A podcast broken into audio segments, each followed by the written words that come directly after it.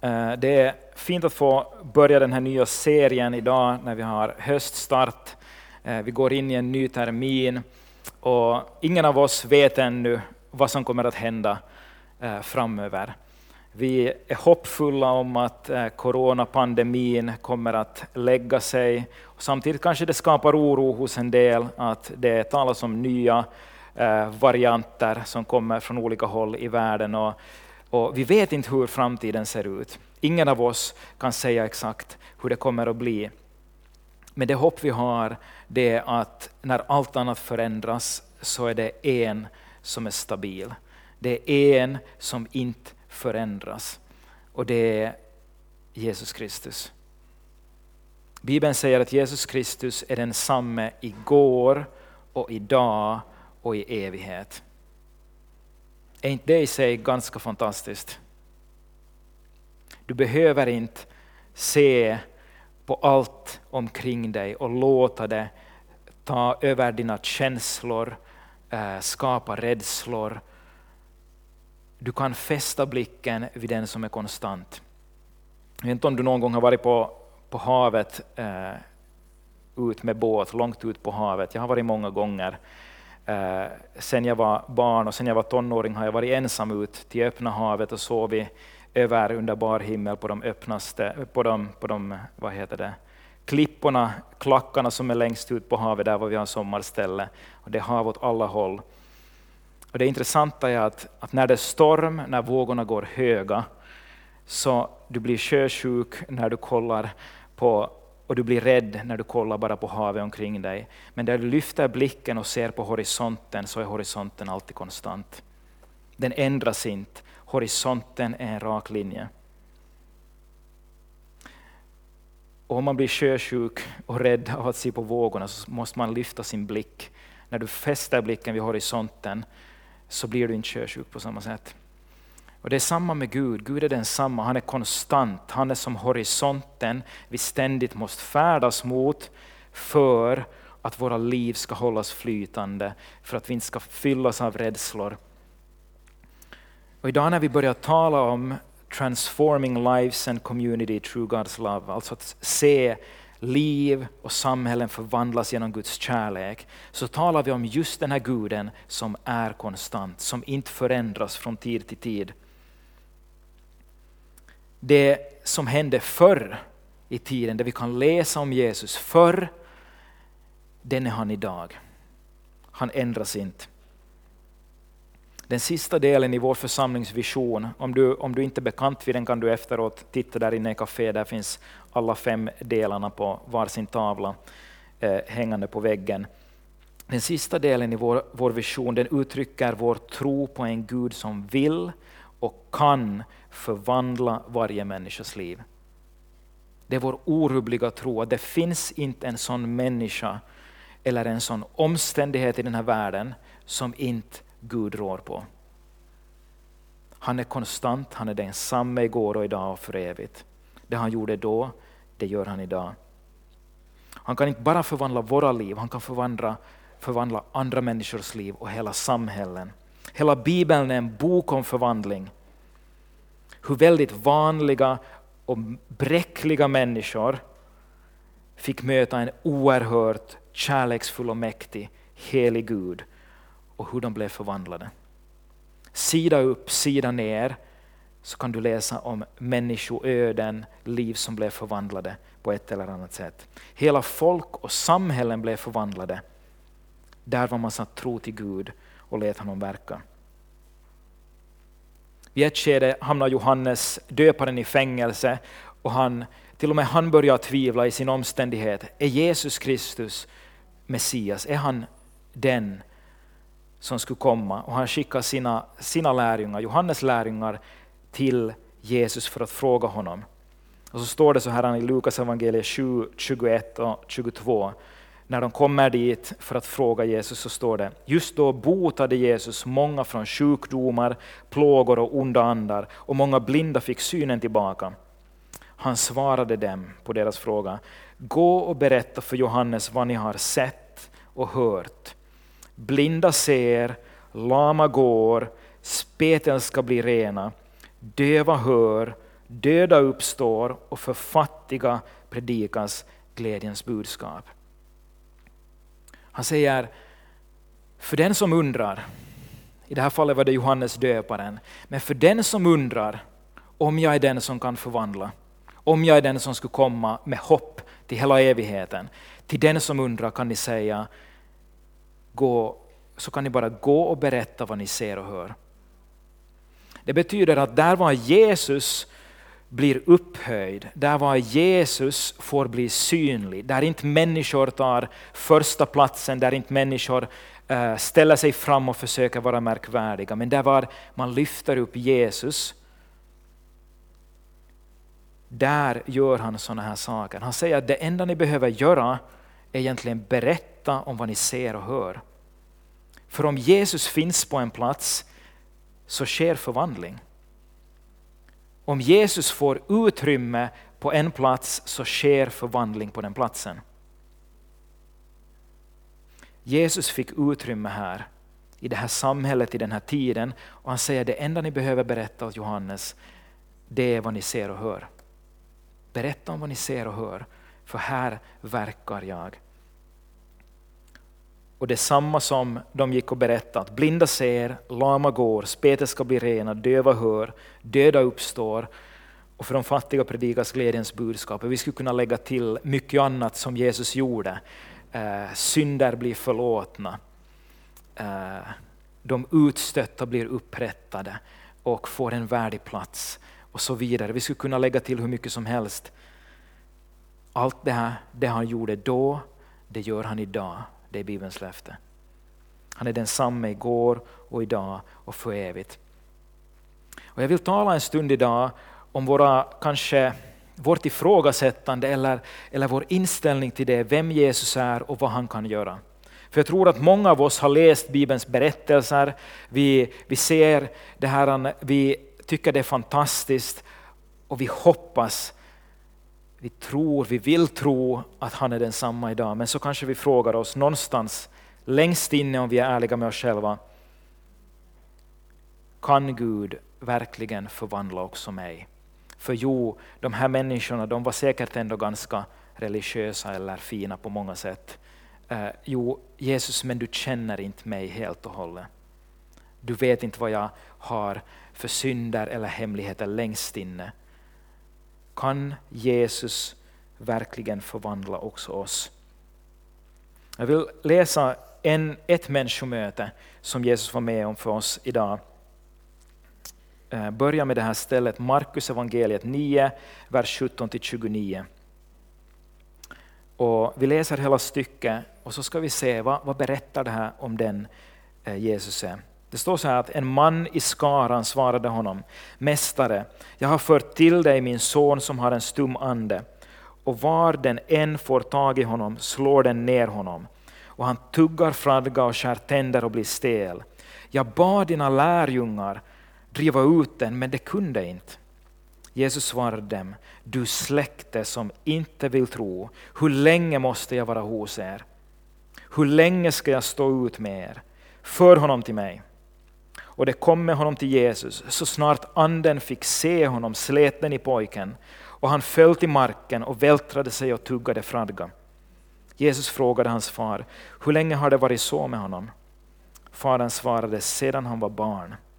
Ofta kastar anden, anden honom en i elden och en i vattnet för att ta livet av honom. Men om du kan, så förbarma dig över oss och hjälp oss. Jesus sa till honom, om du kan, säger du, allt förmår den som tror. Genast ropade barnets far, jag tror, hjälp min otro. Jesus såg att ännu mer folk strömmade till och han sade strängt till den orena anden, du stumme och döve ande. Jag befaller dig, far ut ur honom och kom aldrig mer in i honom. Den orene anden skrek och ryckte våldsamt i honom och for ut. Pojken var som livlös och de flesta sade att han var död. Men Jesus tog honom i handen och reste upp honom och han steg upp. När Jesus hade kommit inomhus och lärjungarna var ensamma med honom frågade de, varför kunde inte vi driva ut honom? Han svarade, detta slag kan endast drivas ut med bön. Här möter vi en man som har kämpat med ett problem en stor del av sitt liv. Eh, en utmaning. Hans son har varit sjuk och besatt av en ande. Här handlar det bara inte om en sjukdom, utan det fanns en andlig sjukdom i bakgrunden. Det fanns en ond ande som plågade hans son. Jesus hjärta går ut till den här mannen och hans son och han, han ställer frågor, han vill veta, han är intresserad, han frågar hur länge har det varit så? Ända sedan han var barn. Han har varit sjuk största delen av sitt liv. Han har varit plågad av den här anden största delen av sitt liv. Den här mannen hade säkert prövat allt möjligt, gått till läkare med sin son, eh, bett om hjälp från olika håll. Och han hade nu också bett Jesu egna lärjungar om hjälp, men de klarade inte av att kasta ut den här anden eller att bota honom. Lärjungarna var hjälplösa, de var handfallna. De klarade inte av det. Och Jesus reagerar på det. Det är kanske förvånande hur Jesus reagerar och, och vi kanske blir lite sådär förskräckta att oj, oj, oj, är det, är det så Jesus reagerar på att tro? Han, han, han säger till och med du släkte som inte vill tro, hur länge måste jag vara hos er? Hur länge ska jag stå ut med er? Men jag tror att han reagerar mest kanske för lärjungarnas skull. För att de hade redan fått se honom och följa med honom så länge. Han förväntar sig kanske mer av sina egna lärjungar. Men det Jesus reagerar på är inte att lärjungarna inte försökte eller uttryckte hjälpsamhet. Utan han säger ju konkret, nu ska jag läsa det så som det står. Du släkte som inte vill tro. Han säger inte att ni har lite tro eller, eller eh, ni tror fel. Han säger du släkte som inte vill tro. Och Det är den första frågan vi kanske måste ställa oss. Vill vi tro att Jesus är den han säger att han är? Inte bara fråga oss, Eh, har jag tro eller har jag inte tro? Vill jag, vill jag verkligen tro? Vi måste besluta oss en gång för alla. Tror jag att Jesus är den han säger att han är i ordet? Det måste börja där, vilja tro. Jesus blev inte bestört över hur stor tro de hade, han, han blev bestört över deras vilja att tro. Och Det är så att vi kan välja, vi kan välja, alla människor har den möjligheten, det är någonting Gud har lagt ner i människan, en förmåga att välja. Och oavsett vad våra omständigheter är, så kan vi säga, vill jag tro? Sen är nästa fråga, först efter det, när jag frågar mig, vill jag tro? Så kommer det som är den här mannens fråga. Han säger åt Jesus, om du kan, så förbarma dig över oss och hjälp oss. Först efter att vi har frågat oss, vill jag tro på Jesus? Skulle jag vilja, om det skulle vara möjligt, att det här är sant om Jesus, att han är densamma igår och idag och i evighet. Vill jag tro på dig i så fall? För du kan välja om du vill tro att Jesus är den han säger att han är. Efter det så kommer vi till den här mannen. Flyttar fokuset från lärjungarna som inte lyckades driva ut honom till den här mannen. Den här mannen säger, han förklarar hur det är med hans son och säger, men om du kan Jesus, så förbarma dig över oss och hjälp oss. Om du kan Jesus. Den här mannen har kommit till Jesus, han vill tro, han har redan kommit dit, men nu är hans fråga, kan du Jesus? Samma fråga som också vi många gånger ställer oss. Jesus, kan du också i min situation? Jesus, kan du om det är si och så med mig? Jesus, kan du om jag har fallit i samma synd hundratals gånger? Jesus, kan du så förbarma dig över mig.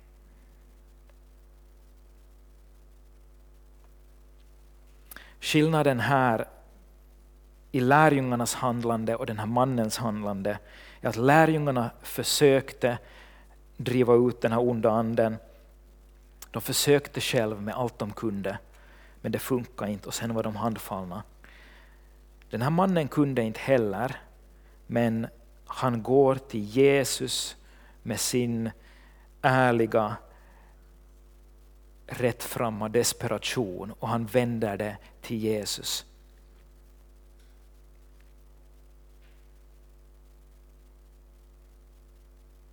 Kan du Jesus göra det här? I så fall, snälla förbarma dig över oss och hjälp oss. Jesus svarar, om du kan säger du, allt förmår den som tror. Det intressanta är att Jesus inte ens kommenterar sin egen förmåga. Han säger inte att kan jag eller kan jag inte. Han säger allt förmår den som tror. Alltså den som tror på Gud kommer att få hjälp och kraft som han annars inte skulle ha. Den som vänder sin tro till honom som är Herre över allt skapat. Hela den här berättelsen den belyser vem Jesus är. Han är den som står i obruten förbindelse med Gud. Han är den vars tro inte vacklar. Den här berättelsen där vi så snabbt försöker förlikna oss, vänta nu, jag är en Jesu lärjunge, jag är precis som Jesu lärjungar i den här berättelsen. Jag klarar inte heller, jag kan inte heller. Och nu, nu borde jag plötsligt vara som Jesus, jag borde ha en tro som Jesus för att bli botad. Allt förmår den som tror och det, det är Jesus som klarar av det här. Och nu, nu måste jag liksom ta mig på något vis från vad lärjungarna i den här berättelsen till Jesu otroliga tro. Jesus har en tro och förtröstan på sin fader som ingen annan hade. Hans relation till Gud gjorde att han kände honom. Jesus kände Fadern så bra att han kunde lita på Gud för mirakelgörande kraft och förvandling där och då. Och vår instinktiva tanke är, oj Gud, nu måste jag försöka komma upp till ett sådant mått av tro som Jesus, så att jag kan se förvandling i mitt liv. Jesus, hjälp mig att tro som du, så att också jag kan bli botad. Men det är inte det som den här berättelsen. Jag vill bara, jag vill bara säga stopp, stanna. Det är inte det som den här berättelsen säger åt dig. Det är inte det som Bibeln försöker berätta åt dig. Den här berättelsen handlar om att du och jag är den här mannen. Inte att vi behöver vara varken lärjungarna eller Jesus. Den här berättelsen handlar om att du och jag är precis där var den här mannen är. Vi har ett enormt behov. Det är ingen skillnad om du är sjuk, om du är ensam, om du är tyngd av arbetsbördor, om du har syndat, om du känner dig långt ifrån Gud. Oavsett vad som har hänt. Vi är den här mannen. Det är vi som kommer till Jesus och säger Jesus om du kan så förbarma dig över oss och hjälp oss. Vi är alla någonstans här. Den här mannens ärlighet, äkthet och ödmjukhet är helt beundransvärd. Han, säger, han försöker inte pumpa upp en tro inför Jesus som säger Jesus, jag tror att du kan bota mig. Och försöker liksom med all mänsklig inre styrka säga Jesus, jag tror att jag själv kan anstränga mig till det här helandet. Nej, utan han är väldigt ärlig. Han säger Jesus, här är jag just nu. Om du kan, förbarma dig. Min tro är halvfärdig, min tro är ganska vacklande och bräcklig. Men jag vill ändå komma till dig Jesus med det. Med det lilla jag har så kommer jag. Jag tar det till dig Jesus, för min situation är omöjlig. Eh, det här är mitt sista halmstrå. Jag har provat allt annat. Och jag vågar säga till dig Jesus, precis så som jag känner det, om du kan. Vågar vi vara så ärliga som den här mannen? Jag tror att det uttryckte inför Jesus större förtröstan på Jesus än att vi skulle komma och försöka pumpa upp någon tro som egentligen är en uppblåst ballong, som är ihålig inuti. Han vågar komma och just den ärligheten berör Jesu hjärta. Äktheten, att du vågar komma och säga till Jesus, exakt så här känns det nu. Exakt här är jag. Jag försöker inte ge mig ut för att vara bättre än vad jag är just nu. Att ha större tro än vad jag har just nu. Den lilla tro han hade satte han till Jesus.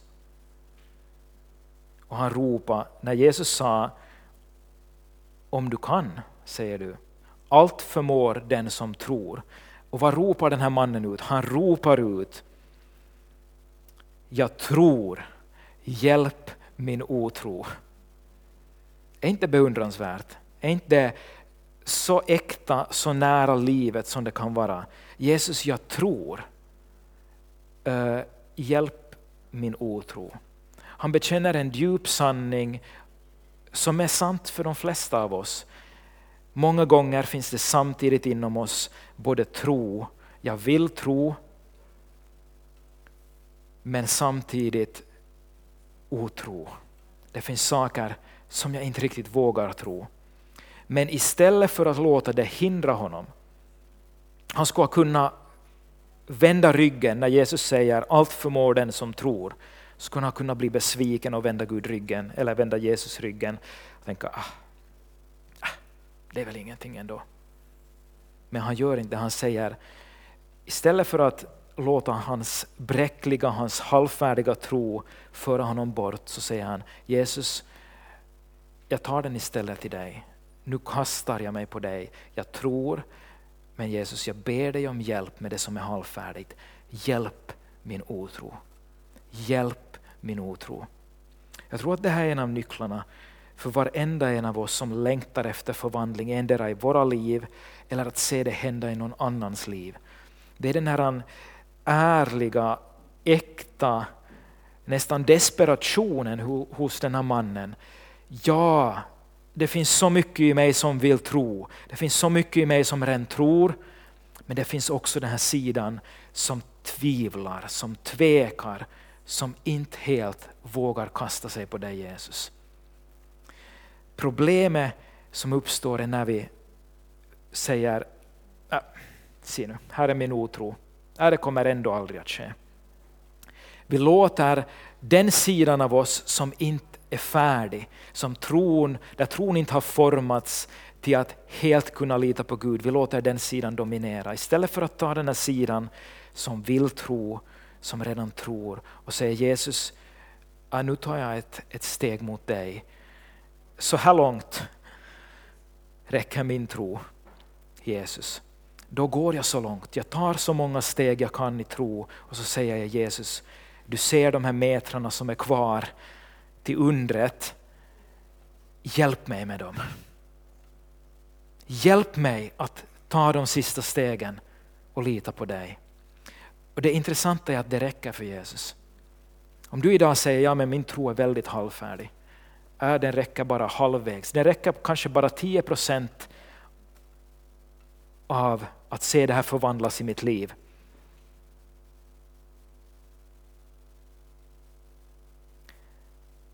Ta då de stegen och så ropar du till Gud, hjälp mig. Så här långt kan jag tro, men Jesus, hjälp min otro. Vilken otrolig princip den här mannen ger. Istället för att gå de där 10 procenten som jag tror och sen försöka göra liksom något eh, spektakel inför Jesus eller liksom förtjäna någonting mera. Många gånger så försöker vi sätta på en show, klara av det liksom, fake it till you make it. Men det är inte den vägen Jesus visar på. Han säger det räcker. Det räckte, för den här mannen räckte det att han ropar ut. Fatta, hans son har varit sjuk nästan hela sitt liv sedan han var barn. Det räckte för ett otroligt mirakel att den här mannen sa jag tror. Det räcker kanske halvvägs, men sen kommer min otro emot. Jesus, hjälp mig med min otro. Det räckte för att se en ond ande drivas ut och hans son bli helad från en sjukdom han hade haft hela sitt liv. är inte helt otroligt. Det är helt troligt. Vad Gud gör när vi ger vår bräckliga tro åt honom. Jag ser många människor i den här världen som blir desperata, eh, som försöker hitta på en det ena en det andra för att lösa problemen i sitt liv. Men tyvärr så ser jag inte så jättemånga människor som blir desperata att få en förändring i sitt liv och vänder den desperationen till Jesus Kristus. Vad skulle vi kunna se förvandlas i våra liv, i våra omständigheter, i andra människors liv, om vi skulle tillåta oss att bli desperata över en situation, så som människorna i Bibeln som kom till Jesus. Tillåta oss att bli desperata och vända den desperationen till Jesus. Det den här mannen egentligen gör är att han ber. Han säger till Jesus väldigt ärligt en enkel bön. Jesus, han har lagt fram problemet, min son är sjuk, det här är var jag är. Jag tror Jesus, hjälp min otro. Om du förflyttar det till ditt eget liv, du har ett berg framför dig, ett omöjligt hinder. Det, du kanske har kämpat med det år ut och år in och du tycker det här är omöjligt. Vad skulle hända om du dagligen, istället för att tänka så mycket på att det är omöjligt och att berget är så stort att din tro inte räcker till att flytta på det. Vad skulle hända om du istället varje dag skulle komma i bön till Jesus och säga Jesus, jag har det här berget. Du ser det, du känner det lika bra som jag. Jag tror att du kan göra det, men jag har jättemycket otro. Jag vet inte hur det ska gå till, men nu ber jag Jesus, hjälp mig. Börja förvandla den här situationen. Hjälp mig att tro dig om förvandling. Om du skulle be den bönen varje dag, tror du att din bön, eller tror du att din tro skulle börja öka? Om du är på 10 procent idag, din tro är kanske 10 procent. Nu räknar man inte tro i procent, det är helt hypotetiskt. Om du är ny så här och funderar, tro procent. Så det här är inte någonting jättevanligt, det är bara ett exempel för att liksom åskådliggöra för oss en resa där vår tro växer. Det är liksom, du är på 10 procent. Tänk om du ber den bönen en dag och din tro ökar med, låt oss säga en procent. Du tänker så här, 11 procent, hur långt kommer man på 11 procent? Men tänk om du ber nästa dag igen. Tänk om du ber den tredje dagen och den fjärde dagen. Och Gud i sin nåd varje dag låter din tro växa med en procent på vad han kan göra i ditt liv. Många av oss har kämpat med problem och utmaningar i kanske decennier, 10 år, 20 år. Tänk om Gud kan öka din tro med en procent varje dag du ber. Det är bara 90 dagar till 100 procent. Nu säger jag inte att det går så här lätt. Det kan vara att det tar att komma till 100 procent, kanske vi aldrig kommer. Men det är just det som är poängen. Att när du ber så fyller Gud på med sin nåd, det som inte räcker till i din tro. Din tro behöver inte vara fullkomlig för att Gud ska handla. Den här mannen frågar om du kan. Låt mig läsa några bibelställen åt dig. Jeremia 32, 27, där står det så här om Gud. Se, jag är Herren, allt kötts Gud. Skulle något vara omöjligt för mig? Skulle något vara omöjligt för mig?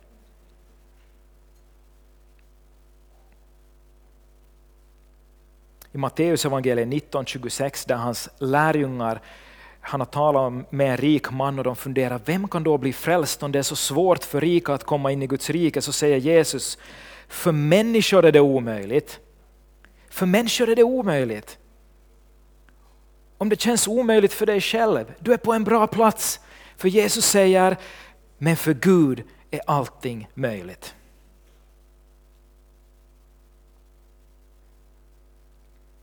Jesus säger faktiskt att det är jättemånga saker som är omöjliga för människor. Det är just därför som han ber dig att inte kämpa i egen kraft, försöka lösa det, klara av det, utan han säger kom till mig. För, för Gud är allting möjligt. Den här berättelsen om mannen eh, med den här pojken som är sjuk och har en ond ande, den finns återgiven i andra evangelier också. I den här berättelsen så slutar den med att Jesus säger till sina lärjungar, den här sortens ande kan bara drivas ut genom bön. Det kan bara ske genom bön. Jag tror att han, han, för, han eh, lägger fingret på någonting. Han säger i början att du släkte som inte vill tro. Han på sätt och vis säger om sina lärjungar, hur är ni ännu så trosvaga efter att ni har vandrat med mig så länge? I slutet så säger han, vad är det som kopplar ihop med tro? Vad är det som gör att tro växer? Han säger, det här slaget kan endast drivas ut med bön. Ni har för lite tro, säger han i början. I slutet säger han, det här kan bara hända genom bön. Jag tror faktiskt att det är avsiktligt, det finns någonting konkret i det att tron växer när vi ber. När vi dag för dag sätter den lilla tro vi har på Jesus och ber honom att fylla i den tro vi inte har. Men när han återger det här i Matteus evangeliet så slutar han den här berättelsen med att säga så här i Matteus 17.20. Han svarade, därför att ni har så lite tro. Amen säger jag er, om ni har tro bara som ett senapskorn ska ni säga till detta berg, flytta dig dit bort och det kommer att flytta sig. Ingenting ska vara omöjligt för er. Om ni har tro bara som ett senapskorn, ett av de minsta fröna, så litet. Han säger att egentligen en tro som är så liten att den inte nästan syns utanpå, den kan flytta berg. Och orsaken att han säger det, att det, det är att den tron, det som gör skillnaden är vart den tron är riktad. Det är det han gör med den här mannen som kommer. Mannen, mannen har en väldigt halvfärdig tro. Jag tror, hjälp min otro, ropar han ut. Men hans tro, den tro han hade, var riktad till Jesus Kristus som är densamme igår och idag och för evigt. Hans tro var ett senapskorn. Och när han satt den tron till Jesus så fick den kraft att flytta berg. Skillnaden är inte hur stor och fantastisk din tro är eller om den syns på utsidan. Skillnaden är vartåt riktar du den tro du har. En människa eller en kristen som bekänner sig till Jesus men som inte har som vana att rikta den tro jag har, precis så som den är, ärligt, äkta, upp och ner, dagligen till Jesus. Jag vet inte hur den människan ska växa i sin tro, hur den människan ska ta nya steg. För din tro växer när du tar det minsta möjliga steg du kan med din tro och säger Jesus, det här är hur långt det räcker idag, nu ber jag dig om hjälp. Jag sa det redan förra söndagen tror jag i, predikan, men det, det har blivit som min dagliga bön. Jesus, hjälp mig. Jag ser det här och det här i mitt liv, det här behöver förvandlas. Eh, jag ser de här utmaningarna i arbetet, eller i livet eller i andra människors liv. Jag kan inte, men jag vet att du kan. Så jag bara sätter min tro idag till dig. Och jag gör det imorgon igen. Och jag gör det på tisdag igen och jag gör det på onsdag.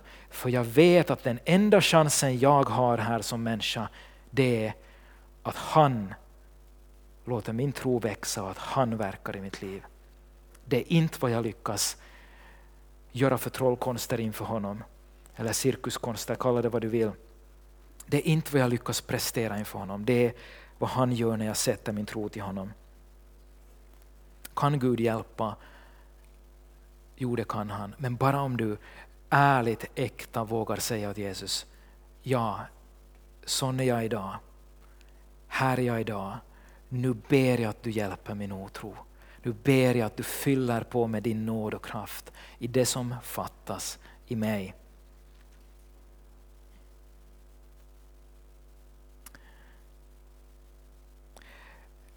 Vi ska just avrunda. Kanske någon säger, okej, okay, kanske Gud kan. Kanske jag har fått uppmuntran till min tro, men tänk om inte. Tänk om inte han vill av någon orsak. Och vi kan inte gå jättedjupt på det spåret, vi kanske måste ta det någon annan söndag, men, men vill Gud hjälpa dig? Jag läser bara eh, ett kort stycke där Jesus botar en annan för att uppmuntra dig på den här punkten. Matteus 8, de fyra första verserna, där står det så här. När han gick ner från berget följde mycket folk efter honom. Då kom en spetälsk fram och föll ner för honom och sade, Herre, om du vill kan du göra mig ren. Jesus räckte ut handen och rörde vid honom och sade, jag vill bli ren. Genast blev mannen ren från sin spetälska och Jesus sa till honom, se till att du inte talar om detta för någon, men gå och visa dig för prästen och bär fram det offergåva, den offergåva som Mose har föreskrivit till ett vittnesbörd för dem. Om någon av oss någon gång frågar Jesus, vill du verkligen? Så finns här svaret. Och det här är bara ett bibelställe, en människas liv, men när du läser bibeln så kommer du att märka att det är Jesu hjärta för varje människa. Han säger, hans svar på frågan Vill du Jesus är Jag vill bli... Punkt, punkt, punkt. Jesus svarar, om du säger Jesus vill du hjälpa mig att bli fri från min synd? Vill du förlåta mig? Så är Jesus svar, jag vill. Du frågar Jesus, vill du bota, vill du hela? Så säger Jesus, jag vill. Han vill, det är hans hjärta. Han är för dig, aldrig emot dig. Vi kan nu veta att Jesus räcker till. Där var vi kommer till korta så kan Jesus verka med sin nåd. Han frågar inte om du har en perfekt tro, en fullkomlig tro. Han frågar, vill du vända din desperation till mig? Istället för att söka i den här världen, söka svar i självhjälpsguider och eh, träningsprogram och det ena och det andra som i sig kan vara helt bra och okej, okay, så frågar han, vill du i första hand komma till mig med din tro och låta mig vara Gud. Du får vara människa, jag kan vara Gud i ditt liv.